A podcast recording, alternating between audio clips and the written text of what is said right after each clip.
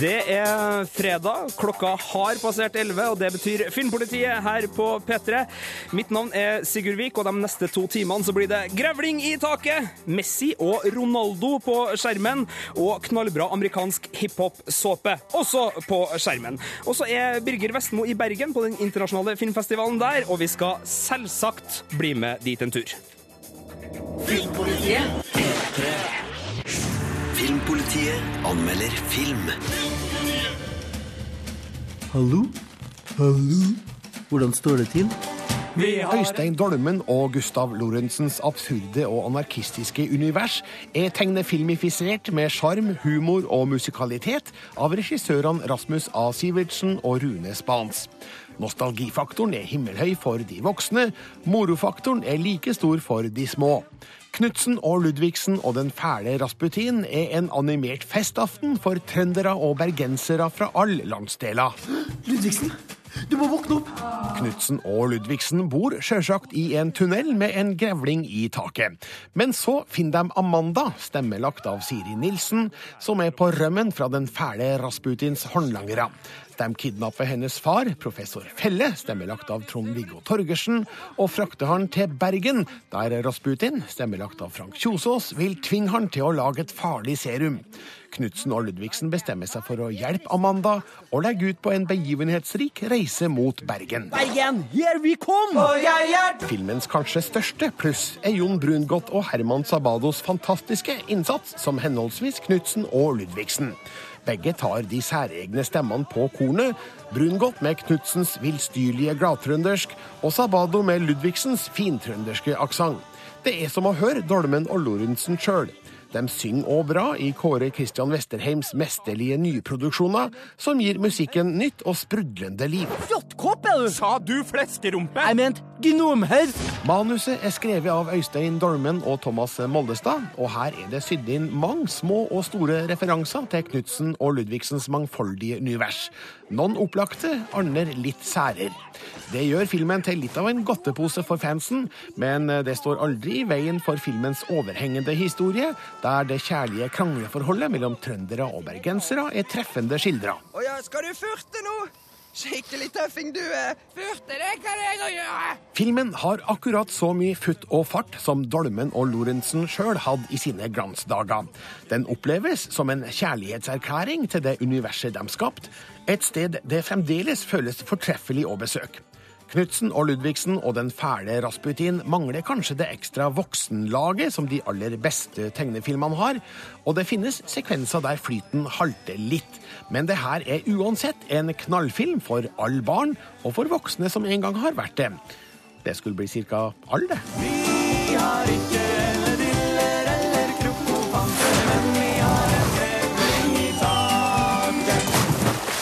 Terningkast 5 Filmpolitiet. på P3 Dokumentarfilmen 'Voldtatt' har verdenspremiere på Bergen internasjonale filmfestival i kveld. Her forteller regissør Linda Steinhoff hvordan systemet svikter i møte med voldtektsofre, og ett av dem er hun sjøl. Birger Vestmo har møtt Linda i Bergen. Jeg må jo starte med det åpenbare spørsmålet. da. Hvorfor ønska du å, å lage eh, en, en dokumentarfilm om det du har opplevd? Egentlig fordi det var absolutt det siste jeg noen gang ville gjøre noensinne. For eh, jeg ble voldtatt selv når jeg var 18 år, og så tenkte jeg at jeg ikke ville ha noen ting med tematikken å gjøre. Og jobbet med filmindustri og elsker å jobbe med film. men så merket jeg at det ble mer og mer til hindring, det at jeg skulle hele tiden passe på å ikke ha noe med tematikken å gjøre. Samtidig som du jeg ble veldig nysgjerrig og fulgte med og hele tiden i nyhetsbildet. og hvordan ting har utviklet seg, og sammenlignet med min erfaring, hvordan jeg ble tatt imot. Så følte jeg at hver gang det kom sånne voldtektsbølger og dette ble tematikk, så kom de samme diskusjonene opp igjen. Og da utartet det bare seg i krangling om, eh, som avsporet fra selve voldtektstematikken, og så døde det ut.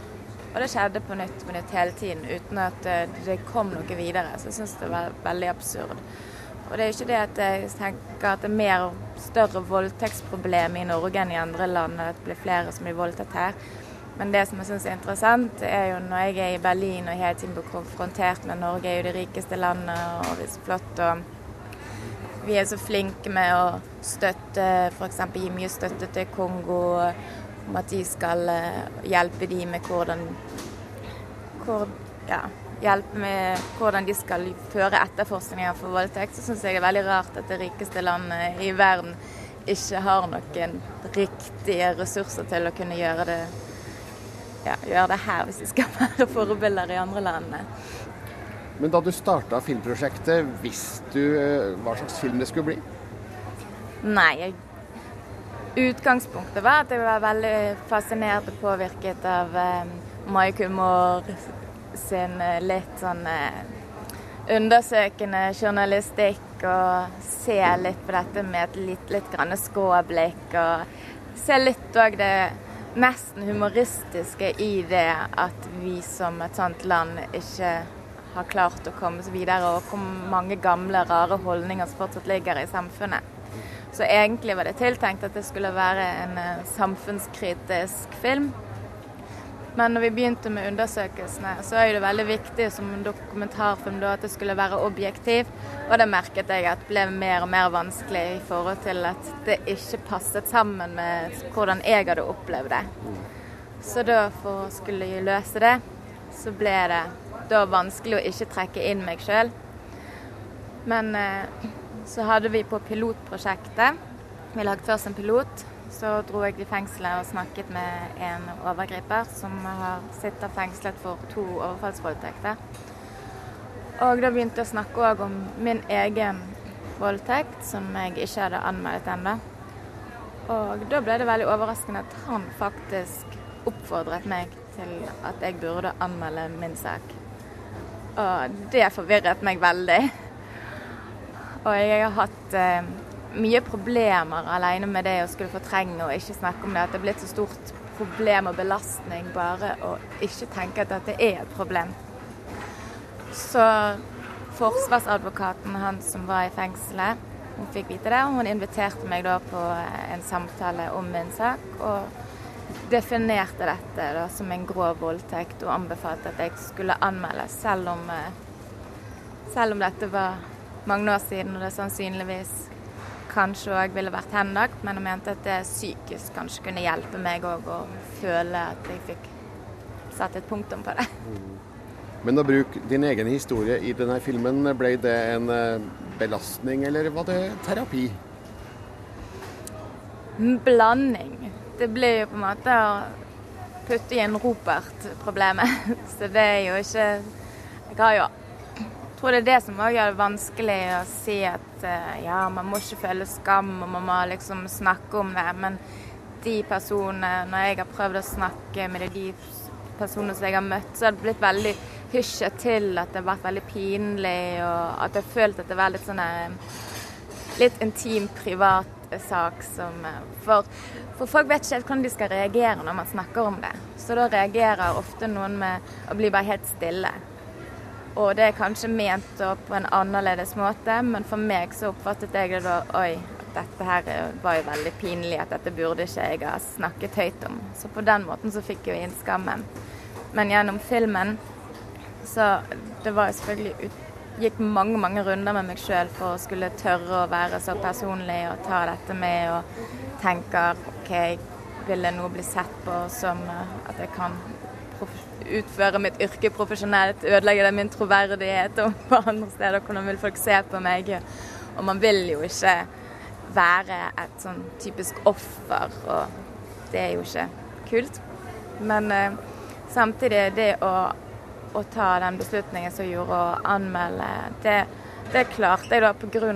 at jeg da plutselig endelig hadde folk rundt meg med filmteamet som faktisk støttet meg, og produsenten som var fantastisk. Og hele teamet har jo vært veldig sammenspilt, der alle har byttet litt på rollene og til å både være, være fotograf og regi, og samtidig innimellom òg psykologer for meg. Og så krever det òg en tillit f.eks. fra kameramann å vite da, OK, skal han nå bare la kameraet rulle, selv om han ser at nå har jeg det ikke bra, eller hvor går den grensen til intim og ikke. Så selve det å få definert det fra en advokat, bare at dette var en voldtekt, alene det syns jeg var veldig bra terapi for meg. Så merker jeg òg på, på min mann, jeg er giftet med nå, og han eh, på begynnelsen, når han fikk vite om den voldtekten, så syntes han òg det var veldig vanskelig å snakke om dette med, med sine venner, og om det var veldig opptatt av å hysje dette ned òg når, ja, når jeg hadde det dårlig. Finne på masse unnskyldninger til istedenfor å snakke om hva som var skjedd. Mens nå er alle liksom blitt så vant til å bearbeide dette, dette her kan jeg faktisk snakke om. Så nå har han heller ingen problemer med bare stå for det og kunne snakke med vennene sine om det. Og da er det mye lettere òg for han å håndtere det. Så det tror jeg er veldig viktig at man undervurderer den effekten det har òg både på de nærmeste, de rundt deg, og at den belastningen å ikke kunne hjelpe meg og ikke kunne snakke om det. At, at å snakke om det i det hele tatt, at det ikke blir så skummelt å snakke om det, at det hjelper. Nå skal filmen vises her i Bergen, på Biff. Senere i høst skal den vises på NRK. Mange du kjenner kommer til å se filmen og få vite ting om det de ikke har eh, visst om fra før. Hvilke, hvilke tanker har du rundt det? Det blir utrolig skummelt. Jeg er veldig spent på reaksjonene, spesielt fra de som var involvert den gangen. Og jeg tenker jo folk som kanskje ikke Som ikke ville blande seg inn, og som tenkte at de ikke tok stilling ved å ikke blande seg inn, som for min del ble oppfattet som at de tok parti med gjerningspersonen.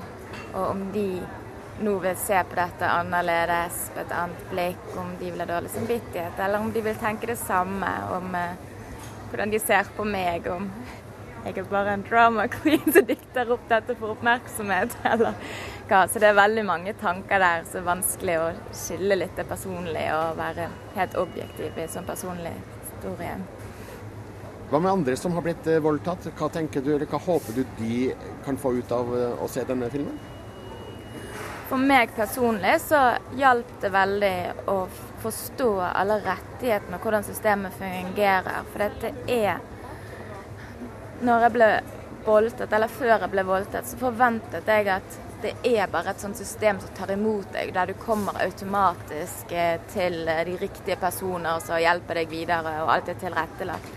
Men det var ikke sånn. Det var utrolig vanskelig å forstå eh, hvor man skulle henvende seg og hva rettigheter man har. Jeg visste jo ikke sjøl før jeg begynte med denne filmen nå at jeg faktisk har rett til tre timers gratis rådgivning hos en advokat uten at en engang trenger å ta stilling til om jeg vil anmelde eller ikke. Og Det tror jeg er veldig viktig for mange folk og andre som har blitt voldtatt, å kunne ta imot det tilbudet og vite at du trenger faktisk ikke å betale for de tre timene hos advokat. og det går du trenger forplikter deg heller ikke til å anmelde, men bare få det juridisk definert og få litt rådgivning og støtte.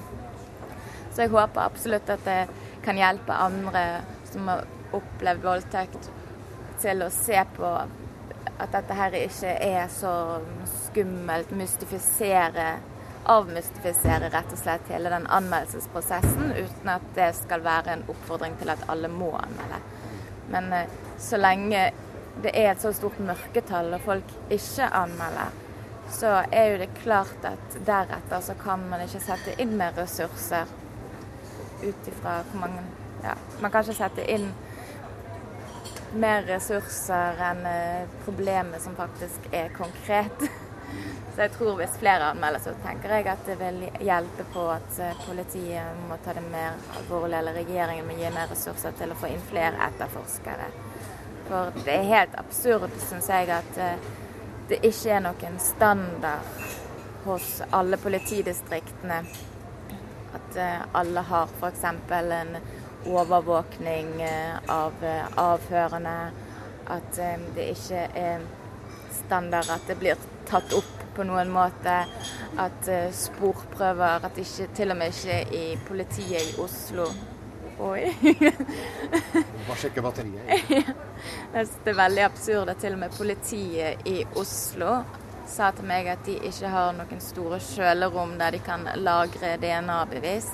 Så det betyr jo at hvis ikke man anmelder innen en tidsbegrensning, så blir alle sporprøvene og alt kastet. Og da forstår jeg ikke hvorfor ikke det er i relasjon til foreldelsesfristen. Du har regien på denne filmen. Det er din debut som dokumentarfilmregissør. Hvorfor måtte du gjøre dette på egen hånd? Det var ingen andre som gjorde det. Men jeg har jo alltid Jeg elsker jo film og jobber jo bak film med casting, det meste, og filmpromotering. Men eh, dette er en side, regisiden har jeg aldri gjort før. Og tenkte hvis jeg skulle bruke meg sjøl i en så privat setting, så ville jeg ha kontroll og lage den filmen som jeg følte jeg hadde kontroll og styring på. Så derfor var det veldig viktig for meg at jeg sjøl fikk ha regien på mitt eget prosjekt. Men greier du å holde en viss objektiv avstand til tematikken? Jein. Men eh, selvfølgelig begynner man i utgangspunktet å tenke at man skal være objektiv, men samtidig så hvis man tenker over det, så er de færreste dokumentarer egentlig objektive. For du har jo alltid en stemme bak som er regissøren, som bestemmer Jeg har òg innflytelse på hvordan du skal klippe det sammen. men, eh, men jeg har prøvd veldig, veldig hardt at dette her ikke skal være en, eh, en film der bare en, et meg som hylende voldtektsoffer i kamera, og at dette er et veldig tungt tematikk. Jeg tror det var derfor det var veldig viktig for meg å bruke meg sjøl. For jeg kan tillate meg å bruke selvironi og, og tulle og være, ha en letthet i når det er med meg. Men eh, den, det ansvaret kan ikke jeg ta på meg hvis det er noen andre som skulle vært hovedfiguren i dette her. Men eh, du glemte jeg spørsmålet. Om objektiviteten? Ja, om objektiviteten.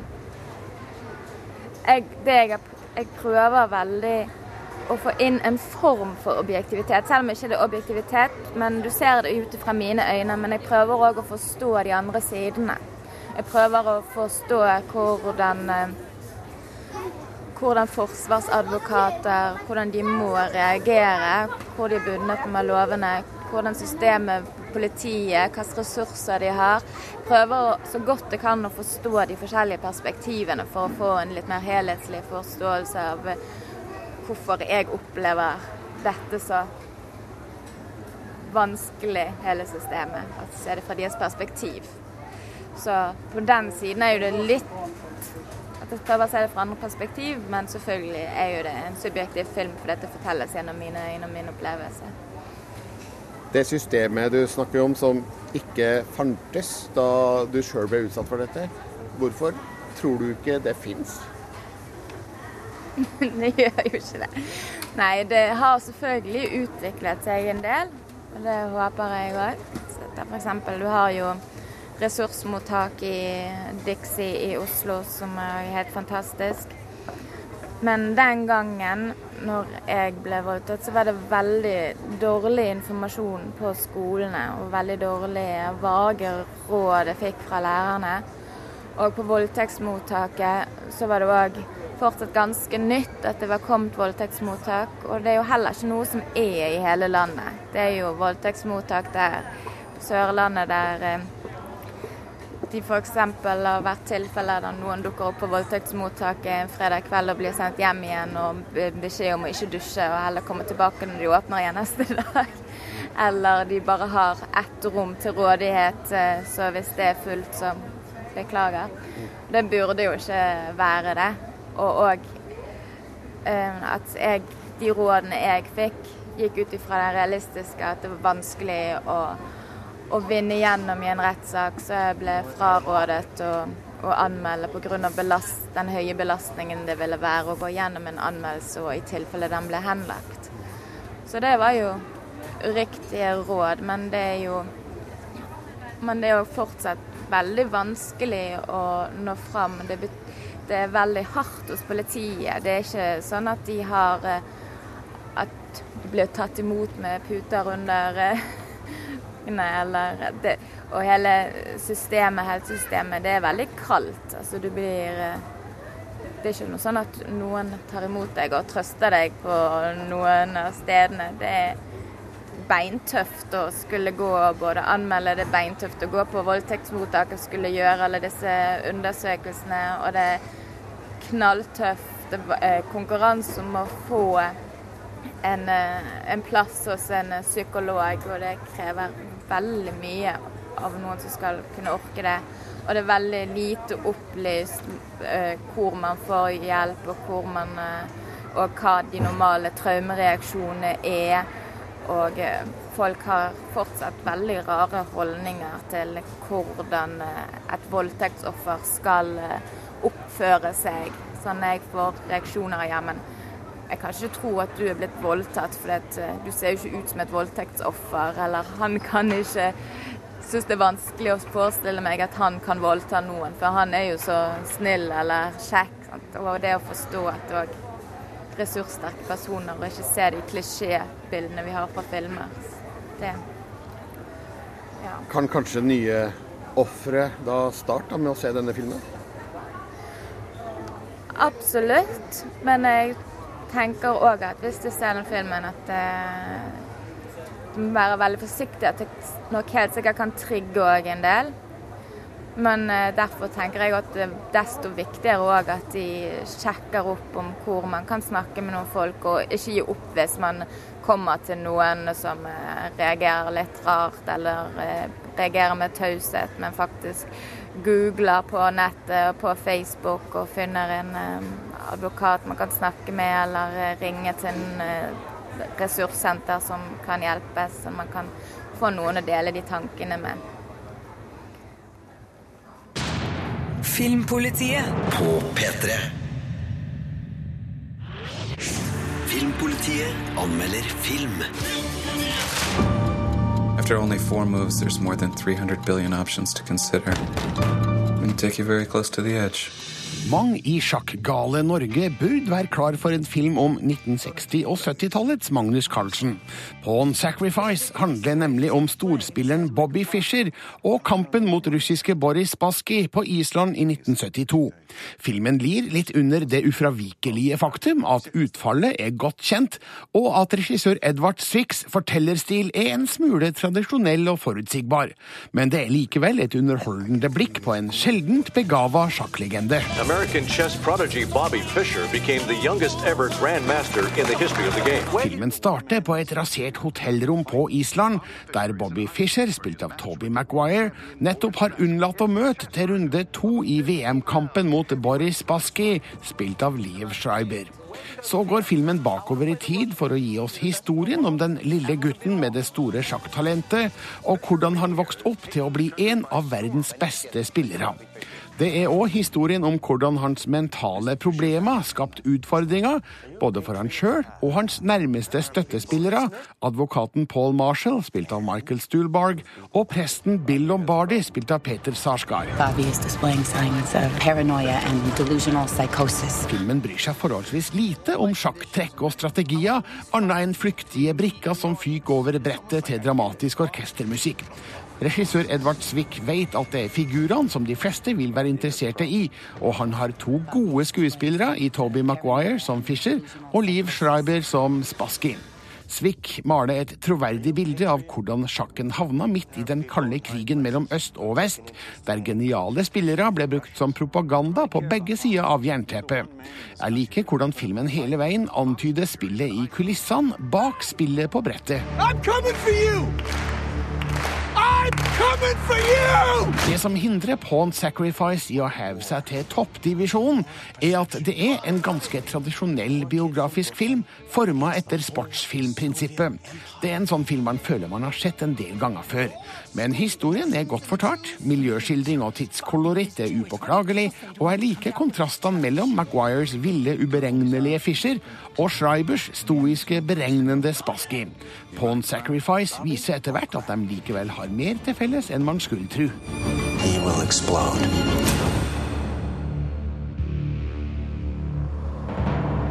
Terningkast fire. Dette er Filmpolitiet. Filmpolitiet På P3. Filmpolitiet anmelder spill.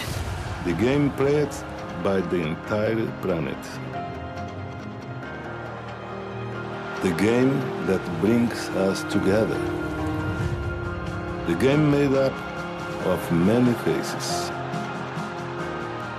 But the beauty is in the moment.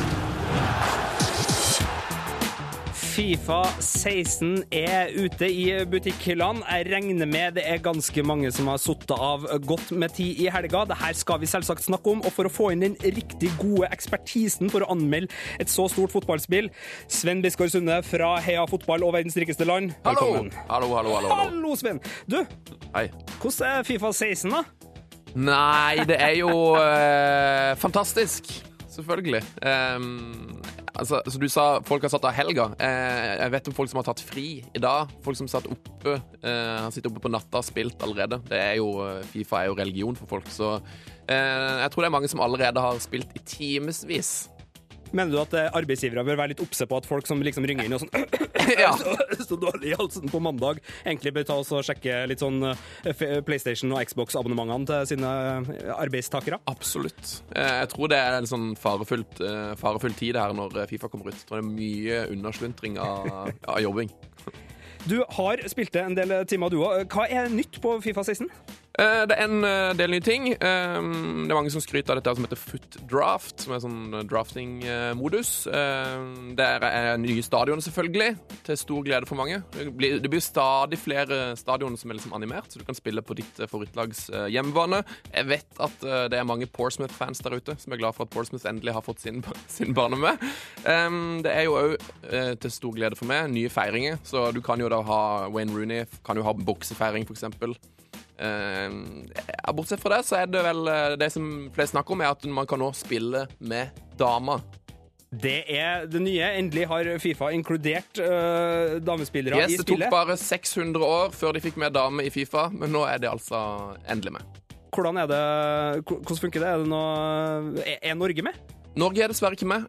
Du kan spille med de, kanskje de ti mest kjente landslagene i verden. Eh, Noe sånt. Men Norge er ikke med, så det, det, det var litt skuffa. Skal ikke spille med Trondheimsøren, dessverre. Ja. Men du kan spille med Tyskland da, og USA og Spania og Kina, og det er masse, masse lag med. Og det er jo det er akkurat som å spille med gutta. Eh, Det er, det er helt likt. Det føles bare helt likt. Men, eh, men de er iallfall med. Det er jo veldig bra, for du spiller jo med hjertet i Fifa. Og Ja. da får du endelig også spilt med favorittlagene dine fra kvinnesida. Ikke så mange riktignok ennå, da, høres det ikke ut som, men en del. En del. En del. Ja. Eh, så du får ikke spilt med Ada Hegerberg, eksempel. Hvis du har lyst til det. En sånn uh, nye features, altså er det noe, noe ville ting du kan gjøre? Altså eh, sette straffespark fra egen 16-meter, kan du takle i knehøyde på et spesielt vis? Altså er det noe, noe annet morsomt? Uh, Det er jo litt småendringer som har blitt bedre, men det som jeg la, la merke til mest, er at eh, de har liksom De er jo veldig gode på at eh, kroppsspråket ser riktig ut. Spillerne ser jo Fjesene er jo helt like. De ser ut som De ser nesten mer ekte ut enn enn virkeligheten. Men jeg, som jeg merket merke når jeg spilte en kamp med Manchester United, var at eh, Chris Smalling han jubla etter en, eh, etter en blok blokade. Så forsvarsspillerne nå har liksom begynt å feire ja, hvis man gjør defensive eh, bra ting. da. Så det er ikke bare jubling når man scorer, men òg hvis man liksom setter inn ei super takling eller eh, klarer å blokkere et skudd. da. Så det, det var liksom noe det jeg merka først som var nytt. Blir det langdrygt da, hvis alle på banen skal feire for alt de gjør riktig?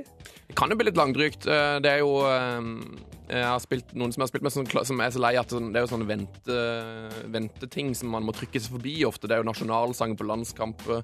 Eh, Nå har dommeren har med seg dommerspray, så det er jo en sånn ting som man kan vente på. Åh, dommersprayen er med! Ja da. Åh, nydelig! Men eh, det er ikke sånn Jeg syns ikke det blir for mye venting. Jeg synes det går greit for meg. Man kan jo skippe det med, en, med et kjapt tastetrykk. Det er jo et sosialt spill ofte, så, så da er det jo Det er veldig sosialt! Det er veldig sosialt. Mye Eh, krangling og kitting av kontroll, iallfall i de miljøene jeg spiller ja, har du blåmerker på skuldrene etter litt sånn Nei, jeg, har, jeg spilte mot en kompis som er mye dårligere, men så jeg vant, eh, vant hver eneste kamp. Så jeg var veldig fornøyd. Han var mindre fornøyd. Det er jo ikke eh, Men er det noe som ikke funker så bra på Fifa 16? Noe som du eh, savner fra tidligere versjoner, eller som skuffer deg? Nei, altså det er jo et, Jeg har anmeldt det spillet her eh, tre-fire ganger før, og det er jo, det er jo et terningkast seks-spill, og det har det vært i mange mange år. Og mm, de fleste anmeldere sier jo at den versjonen i år da er liksom den beste på lenge. Så det er jo et fantastisk spill, et terningkast seks-spill. Men jeg har egentlig bestemt meg for at jeg blir nødt til å gi de terningkast fem, bare fordi det, det er liksom ikke, ikke så sinnssykt mye bedre enn i fjor. Så hvis du fra et kjøperperspektiv, da, så du klarer deg jo med Fifa 15 eller Fifa 14. Åh, Du er en sånn tippemann du som driver og helgarderer terningkastet ditt i anmeldelse med, Ja. med 6 og 5. Du må velge én. Ja, jeg, jeg kunne jo gitt fire, men uh, jeg må Hjertet sier seks, men uh, jeg ble nødt til å skrive fem. Bare Da for, for, for sånn eh, det rettskraftige. Da sier vi det. Heia fotball. Terningkastet blir Terningkast fem. Filmpolitiet. Filmpolitiet. Les mer om film, spill og serier på p3.no Filmpolitiet. Et nært søskenforhold skildres i den svenske filmen Min lille søster, der spiseforstyrrelser er den alvorlige tematikken. Birger Vestmo har vært på kino og sett den. Filmpolitiet anmelder film. Har du på leppen? Ja, jeg har raket bort mustasjen. Du har ingen mustasj. Jeg skojar bare, jo. Et nært og lojalt søsterforhold settes i fare av den enes spiseforstyrrelser i den svenske filmen Min lille søster. Den har noen intense og velspilte scener som virkelig ryster sjela, spesielt takka være strålende innsats av debutantene Rebekka Josefsson og Amy Diasismont. Sistnevnte også kjent som artisten Amy Diamond. Noen få sekvenser kan virke litt konstruerte og kalkulerte, men det her gjør likevel inntrykk og retter et viktig søkelys mot et velkjent problem. Oj, det måste ha varit jättedyrt, eller? Jag tänker inte på det. Jag är lite uppmuntrad bara för att jag var så duktig. Stella, spilt av Rebekka Josefsson, har storesøster Katja, spilt av Amy Diasismont, som forbilde. Hun trener nemlig kunstløp og er familiens stolthet. Men Stella oppdager at ikke alt er som det skal med Katja. Hun spiser nesten ikke, og det hun får i seg, kaster hun opp. Stella forstår at noe må gjøres, men Katja drar lillesøstera inn i en manipulerende karusell av trusler og løgner for å holde hemmeligheten skjult for foreldrene og omgivelsene. Om du beretter for noen om det her, så beretter jeg for mamma og pappa om dina ekle dikteren til kjære Jakob. Min lille søster er et tett lite drama, der vi får se hvor hardt Stella påvirkes av søsteras problemer. Filmen beskriver godt hvordan hun hindres av den sterke lojaliteten hun har til søstera, som samtidig presser Stella med ufine metoder. Foreldrene er opptatt med alt annet, bruker middager til å diskutere logistikk og skjønner ingenting av hva som foregår. Hvordan kan de ikke se hva som skjer med døtrene? Men kanskje er nettopp det her et av de store problemene med spiseforstyrrelser. De som sliter, kan være drepende flinke til å skjule det. Åt Av og til har filmen noen små lykkelige øyeblikk som kan virke nesten planmessige, som om historien trenger positive kontraster til de negative. De her scenene har en tendens til å virke litt anstrengte, og jeg er ikke sikker på om filmen egentlig trenger dem. Men noen stor innvending er det her heller ikke. Dramatikken holdes for det meste stram og fremoverlent. Og mens hjertet blør for Stella og Katja, venter og venter man på forløsninga som bare må komme, eller gjør den? Hva er det som händer? Kom igjen. Min lille søster byr på utrolig godt spill av Rebekka Josefsson og Amy Diasismond, som begge altså debuterer her, mens eh, Annika Hallin og Henrik Norlén er fine som distanserte foreldre. Manusforfatter og regissør Sanna Lenken har laga et fintfølende drama som beveger, provoserer og irriterer, og for det meste av de rette årsakene. Men sluta, vad gör du? Terningkast fem. Filmpolitiet. På P3. Filmpolitiet anmelder TV-serie. Never stop loving you, Cookie. I tried. Never went away. Empire har vært en av årets aller gledeligste overraskelser på seriefronten. Spesielt amerikanske seere flokka til et gjennomført kommersielt musikkdrama laga for nettverksgiganten Fox og med såpeseriens tydeligste karaktertrekk som grunnpilarer. En suksess som svingte fra start til slutt. Jeg storkosa meg med den intense familiekampen om hvem som skulle lede Empire Records. En strid som deisa innom utroskap, drap, ødipuskomplekser og sjalusi, samtidig som en blodtjukk familiekjærlighet holdt det hele sammen. Ofte i glamorøse omgivelser, tidvis eh, to brennevinsslurker unna rennestein. It's crazy how I can love you and hate you at the same moment. Call it torture. Det er med stor glede jeg ser at sesong to plukker opp tonen fra finalen og kaster seg rett ut i et særdeles fengende refreng. Første episode starter med et pang. Lucius Lyon har havna bak lås og slå etter forrige sesongs kaldblodigheter, men har få problemer med å mestre overgangen fra møterom til fengselsgård. Og gjennom sønnen Jamal så har han fremdeles kontroll over både plateselskap og musikkrettigheter. Men hans tidligere kone Cookie lukter blod. Hun jobber sammen med Jamals brødre Hakim og André for å skaffe investorer til å kuppe selskapet. Dermed er krigen i gang. En krig som kjapt eskalerer og tvinger fram sluhet, råskap og svært ustødige allianser. Det her er høykonsentrert såpeekstrakt av topp kvalitet, hvor realismen er lav og stilfaktoren skyhøy. Alle følelsene bæres dramatisk i alle ansiktsfolder, og symbolbruken og retorikken er både voldsom og svulstig. Garderoben er godteri for øynene. En del av låtene er knallgod og fungerer godt som dramaturgisk krydder til handlinga. Og settingen, midt mellom musikkindustri i New York, gangstere, fengsel og amerikansk sosialpolitikk, gjør at Empire har drivstofftanken full av høyoktansdrama. Taraji P. Hensen var med rette nominert til en Emmy for sin rolle som Cookie Lion. Og hun fortsetter sin strålende, dominante matriarkrolle i sesong tre. Hun er så moderlig snill og så snerrende eksplosiv at det er en fryd å følge hennes dans med både kamera og medskuespillere. Empire er replikksterk og med drivende god og spennende handling i bunn. Det sprudler av et energisk og fengende rollegalleri, fremdeles med en knallkul koloritt og fremdeles magekriblende vanedannende.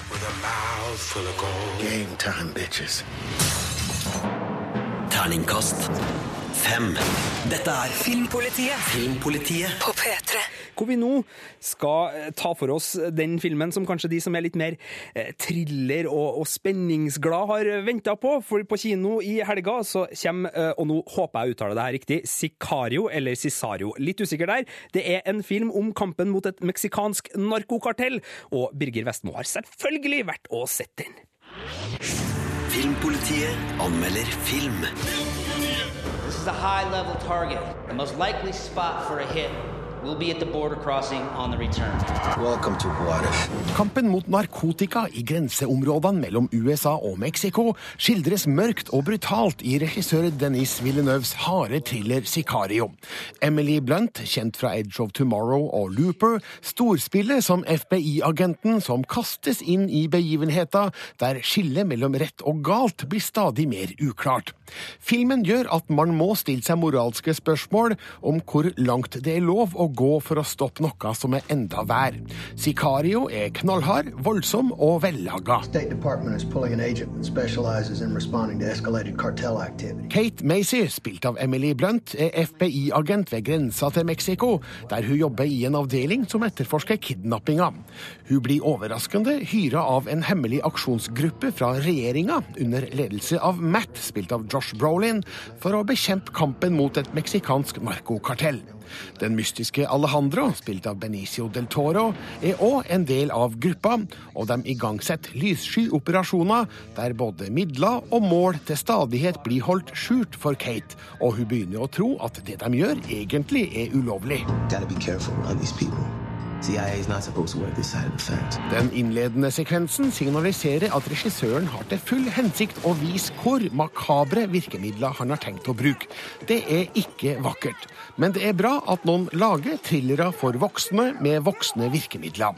Sicario er vellaga, velspilt og setter søkelys på et gigantisk problem der det tilsynelatende ikke finnes noen snille løsninger. Filmens tone er gjennomgående mørk og urovekkende, godt hjulpet av foruroligende musikk av islandske Johan Johansson, som òg komponerte musikken til Denise Villeneuves forrige film, 'Prisoners'.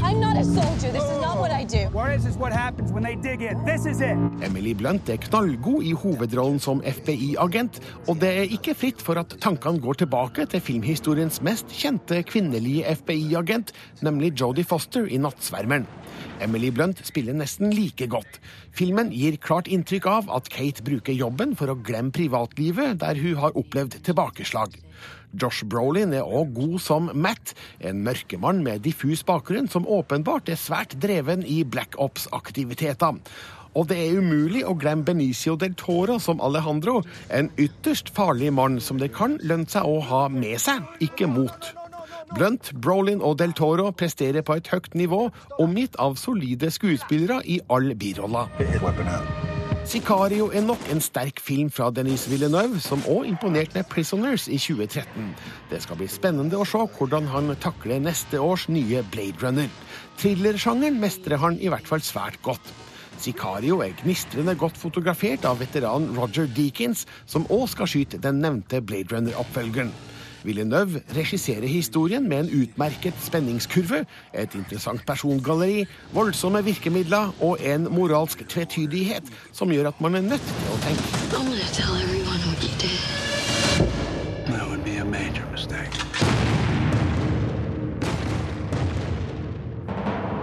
Terningkast fem. Les mer om film, spill og serier på p3.no Filmpolitiet. Filmpolitiet. Does that sound good to you? På P3. Hvor vi nå skal tilbake til Bergen internasjonale filmfestival. Hvor dokumentaren 'Kettling of the Voice' hadde verdenspremiere i går. Eh, I filmen forteller tidligere studentaktivister Brian Thompson og Ethan Race hvordan dem og mange andre følte seg kriminalisert etter at de protesterte mot høye studentavgifter i London i 2010. Og Birger har møtt studentene her, og regissør Chester Young, og tatt en prat med dem i Bergen. First question to you, Brian. The, the film is called Kettling the Voices. Can you uh, explain the, the, the, the word kettling? What does it mean? So, kettling was a description of the way that protesters are treated in the UK. Um, it is quite a new phenomenon, and it's something that the police have really started to um, increase in the last five or six years, and it involves putting mostly young people who are on these protests, keeping them in for six, seven, eight hours without food, without water, without any, you know, sanitation. And what it's designed to do is to force those people to take action against the police, so that they can have, you know, the media footage of a protester maybe attacking a policeman um, with a stick. I mean, that's what they used to justify arresting myself and Ethan and going for people and prosecuting them. So it was almost um, a way for the police to act as an arm of the state to then encourage prosecution. So yeah, we decided to name the film after that because that is exactly what we were was was being done to us. We were being kettled. Our voices and our right to freedom of speech was being kettled. Ethan, how does it feel to be kettled, so to speak, by the, the police for doing something that should be legal?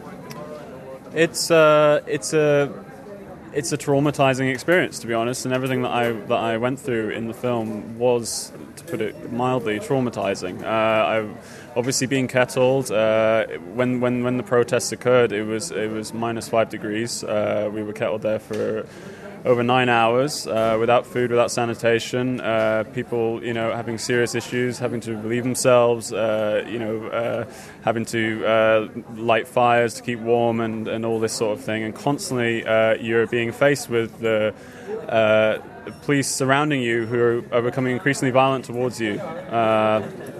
And confronting that and is a very unpleasant and traumatizing experience. Chester Young, why did you want to make a film about this phenomena? Well, I was born and grew up in Sierra Leone in West Africa, and I grew up in a, I would say, gangster dictatorship regimes wherein you don't have any freedom of speech, you don't have no rights. You know, as an individual, you can't say anything, or else you can get imprisoned or tortured or even killed. So I fled the civil war in 1996, and I went to England to claim to claim sanctuary in a sense, you know, and and I wanted to experience democracy. I wanted to experience freedom, and so whenever there's a protest in London, I would go outside with my camera and trying to experience democracy. So in 2003, when about 1.2 million people took to the street to demonstrate against the war in Iraq, I went out there with my camera to experience this democracy. But it was really amazing actually to see that many people in the streets exercising their democratic right, fighting for a cause. And I believed that actually the government will listen to these people because this is a representation of the whole population. But then they totally ignored them and then they didn't listen to them and they didn't went to war. So since then I, I decided, you know what, I haven't experienced democracy and I really want to experience it. So every time there's a protest, I will go out in the streets to film it. But on 2010, when I saw the protesters were kettled and they were held up for nine hours without food or water, I was really shocked at that kind of treatment of protesters. And then when I saw the violence that erupted that day and the prosecution of the student the next day, witch hunt by the media and then getting arrested, I thought, you know what, I'm going to dedicate my life to tell this story because I didn't see no one trying to tell it in the mainstream media.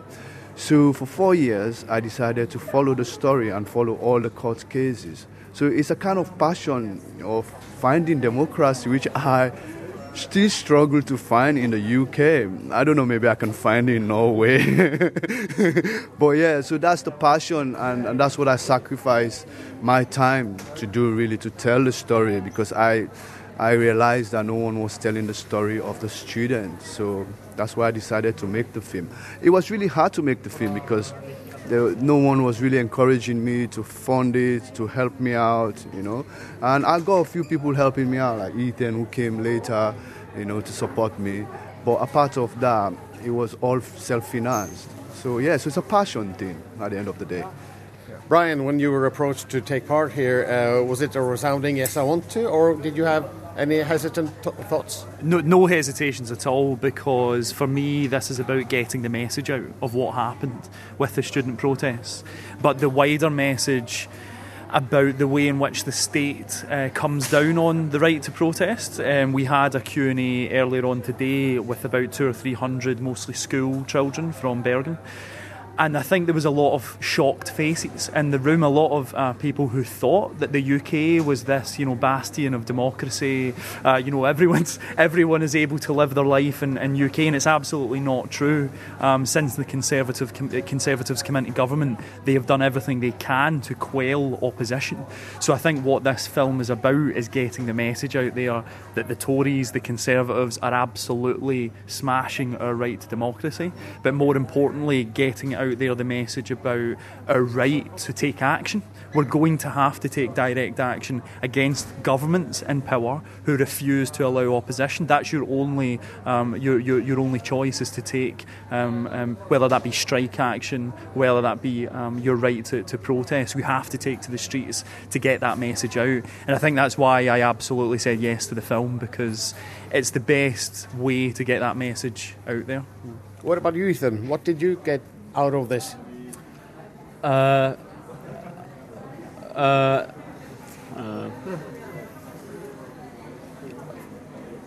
well, firstly, uh, you know, it was a way to uh, make things right in the in the eyes of the media, let's say, because obviously, when uh, I was uh, vilified by the media, a photo of me was put on a wanted list in the papers, and I was a wanted man briefly. Obviously, uh, that is enormously damaging for my career as a filmmaker. It's enorm- enormously damaging to my career prospects, full stop. It's enormously damaging for uh, vis- uh, visas, for travel, for all this sort of thing. So, firstly, I needed to clear my name, and that's why I, I, tr- I, chose to sue the, the Metropolitan Police, and luckily, won. So this uh, Chester filming me for this film was a way to bear witness to uh, uh, my innocence, let's say. But also, obviously, I, I, I uh, really care about the right to, protest, uh, to protest. I think it's absolutely in, integral to uh, a healthy society and a healthy democracy. So,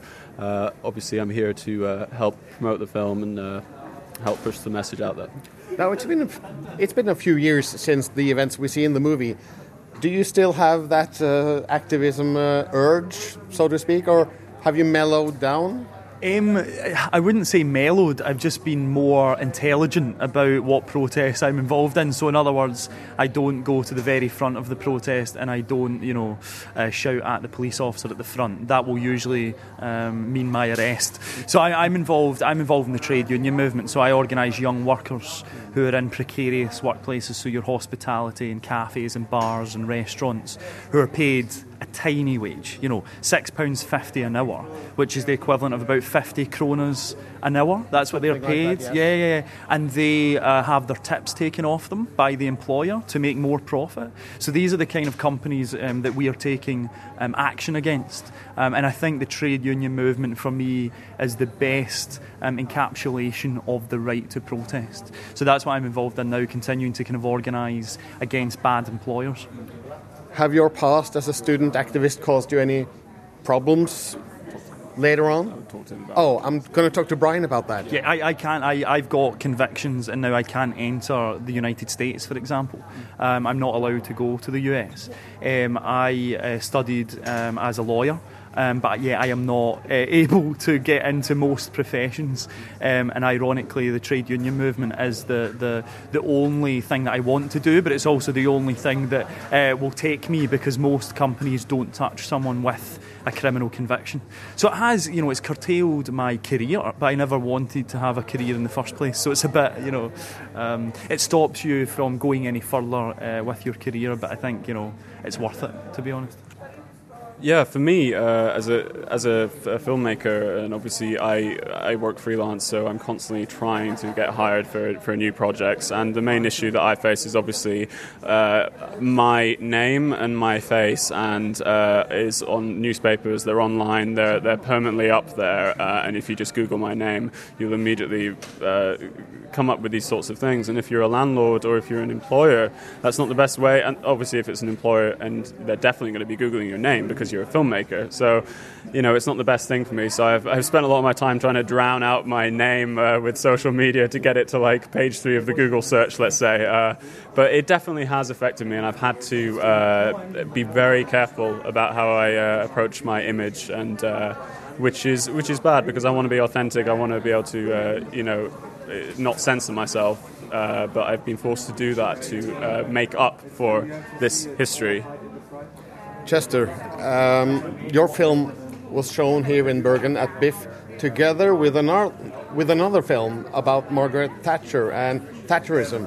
Um, do you see the parallels between those two movies? Of course, yeah. Uh, well, we're living in the legacy of Thatcher, of what Thatcher has done, how Thatcher has cracked down the trade union movement, how Thatcher has, um, how Thatcher has also encouraged, you know, privatization of most of our institution, and education is part of that privatization today.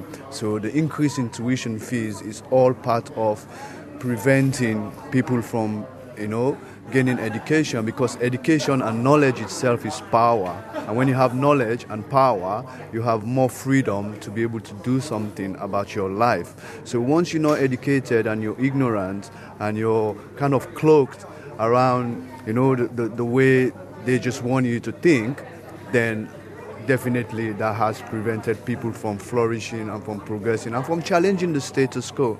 So really, Thatcher was the trigger of it. And Thatcher, the policies she installed, and also if you come look at the new Labour policies, you know, and Tony Blair actually emulates Thatcher, and he, he took most of Thatcher's policies into the Labour movement, mm. and that's why the Labour movement succeeded at some point.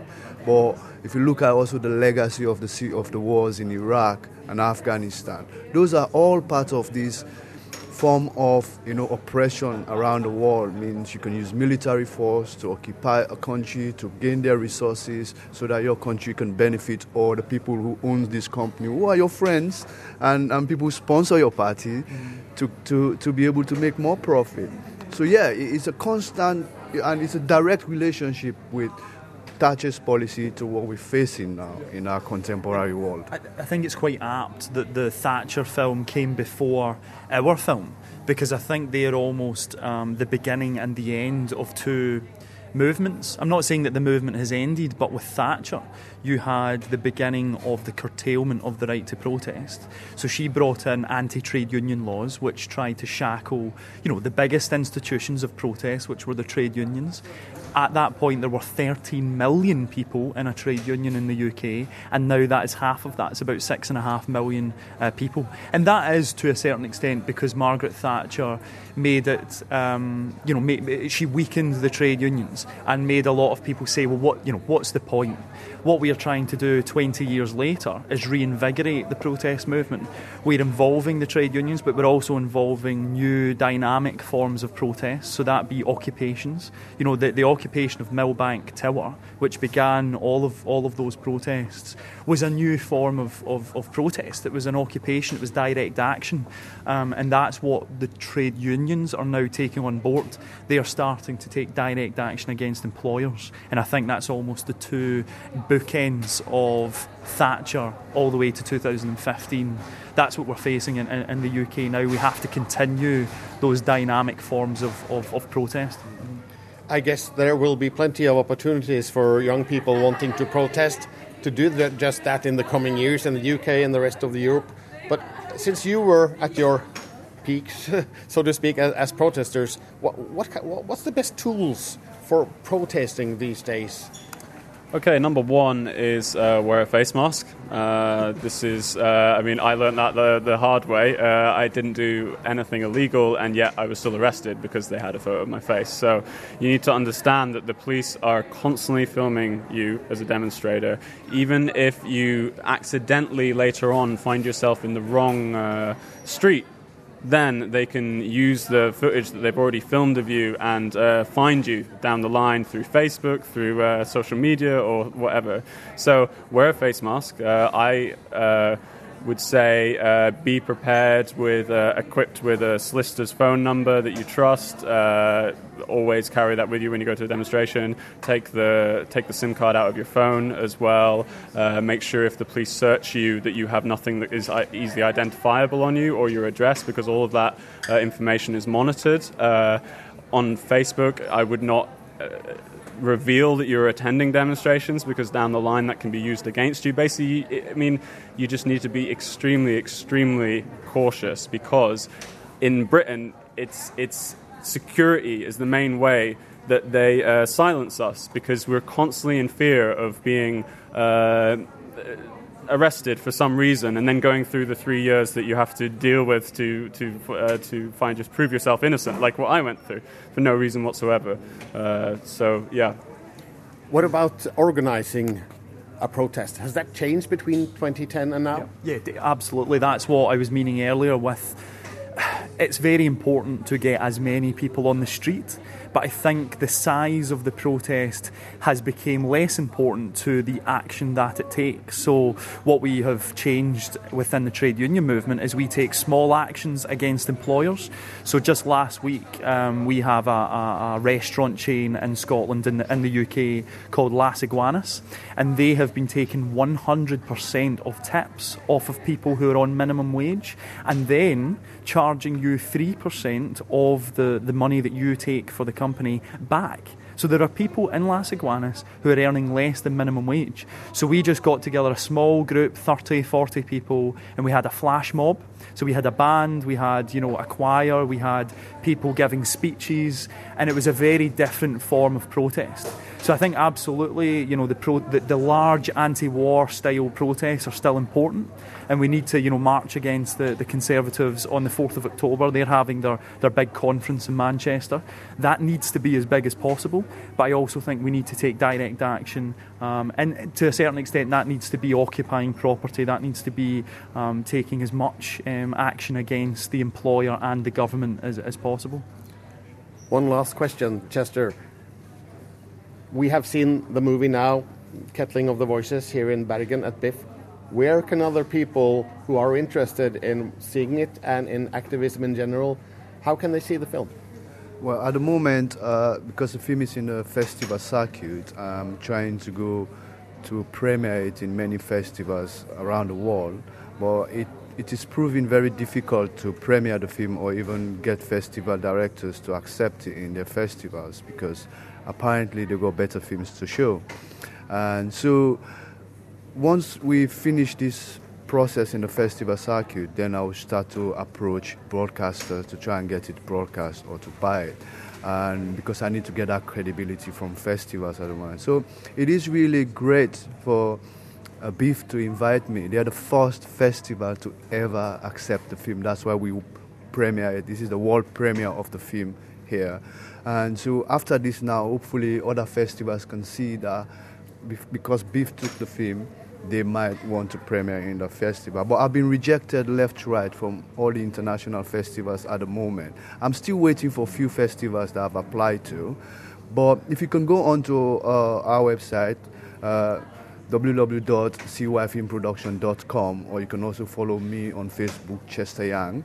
And hopefully we'll be able to put the film also on online distribution because that's one avenue we got now with the changing internet and giving us independent filmmaker opportunity to premiere our film or put it out online for people to download or watch it. So I'm hoping to also put it into Amazon or Netflix or Lulu, all these other websites you can stream it for some money.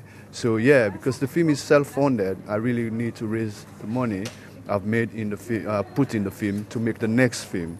You know, so yeah, so hopefully we'll be releasing it soon after the festival circuit. But just keep in touch, and we'll update all or everyone when the film is gonna be out there.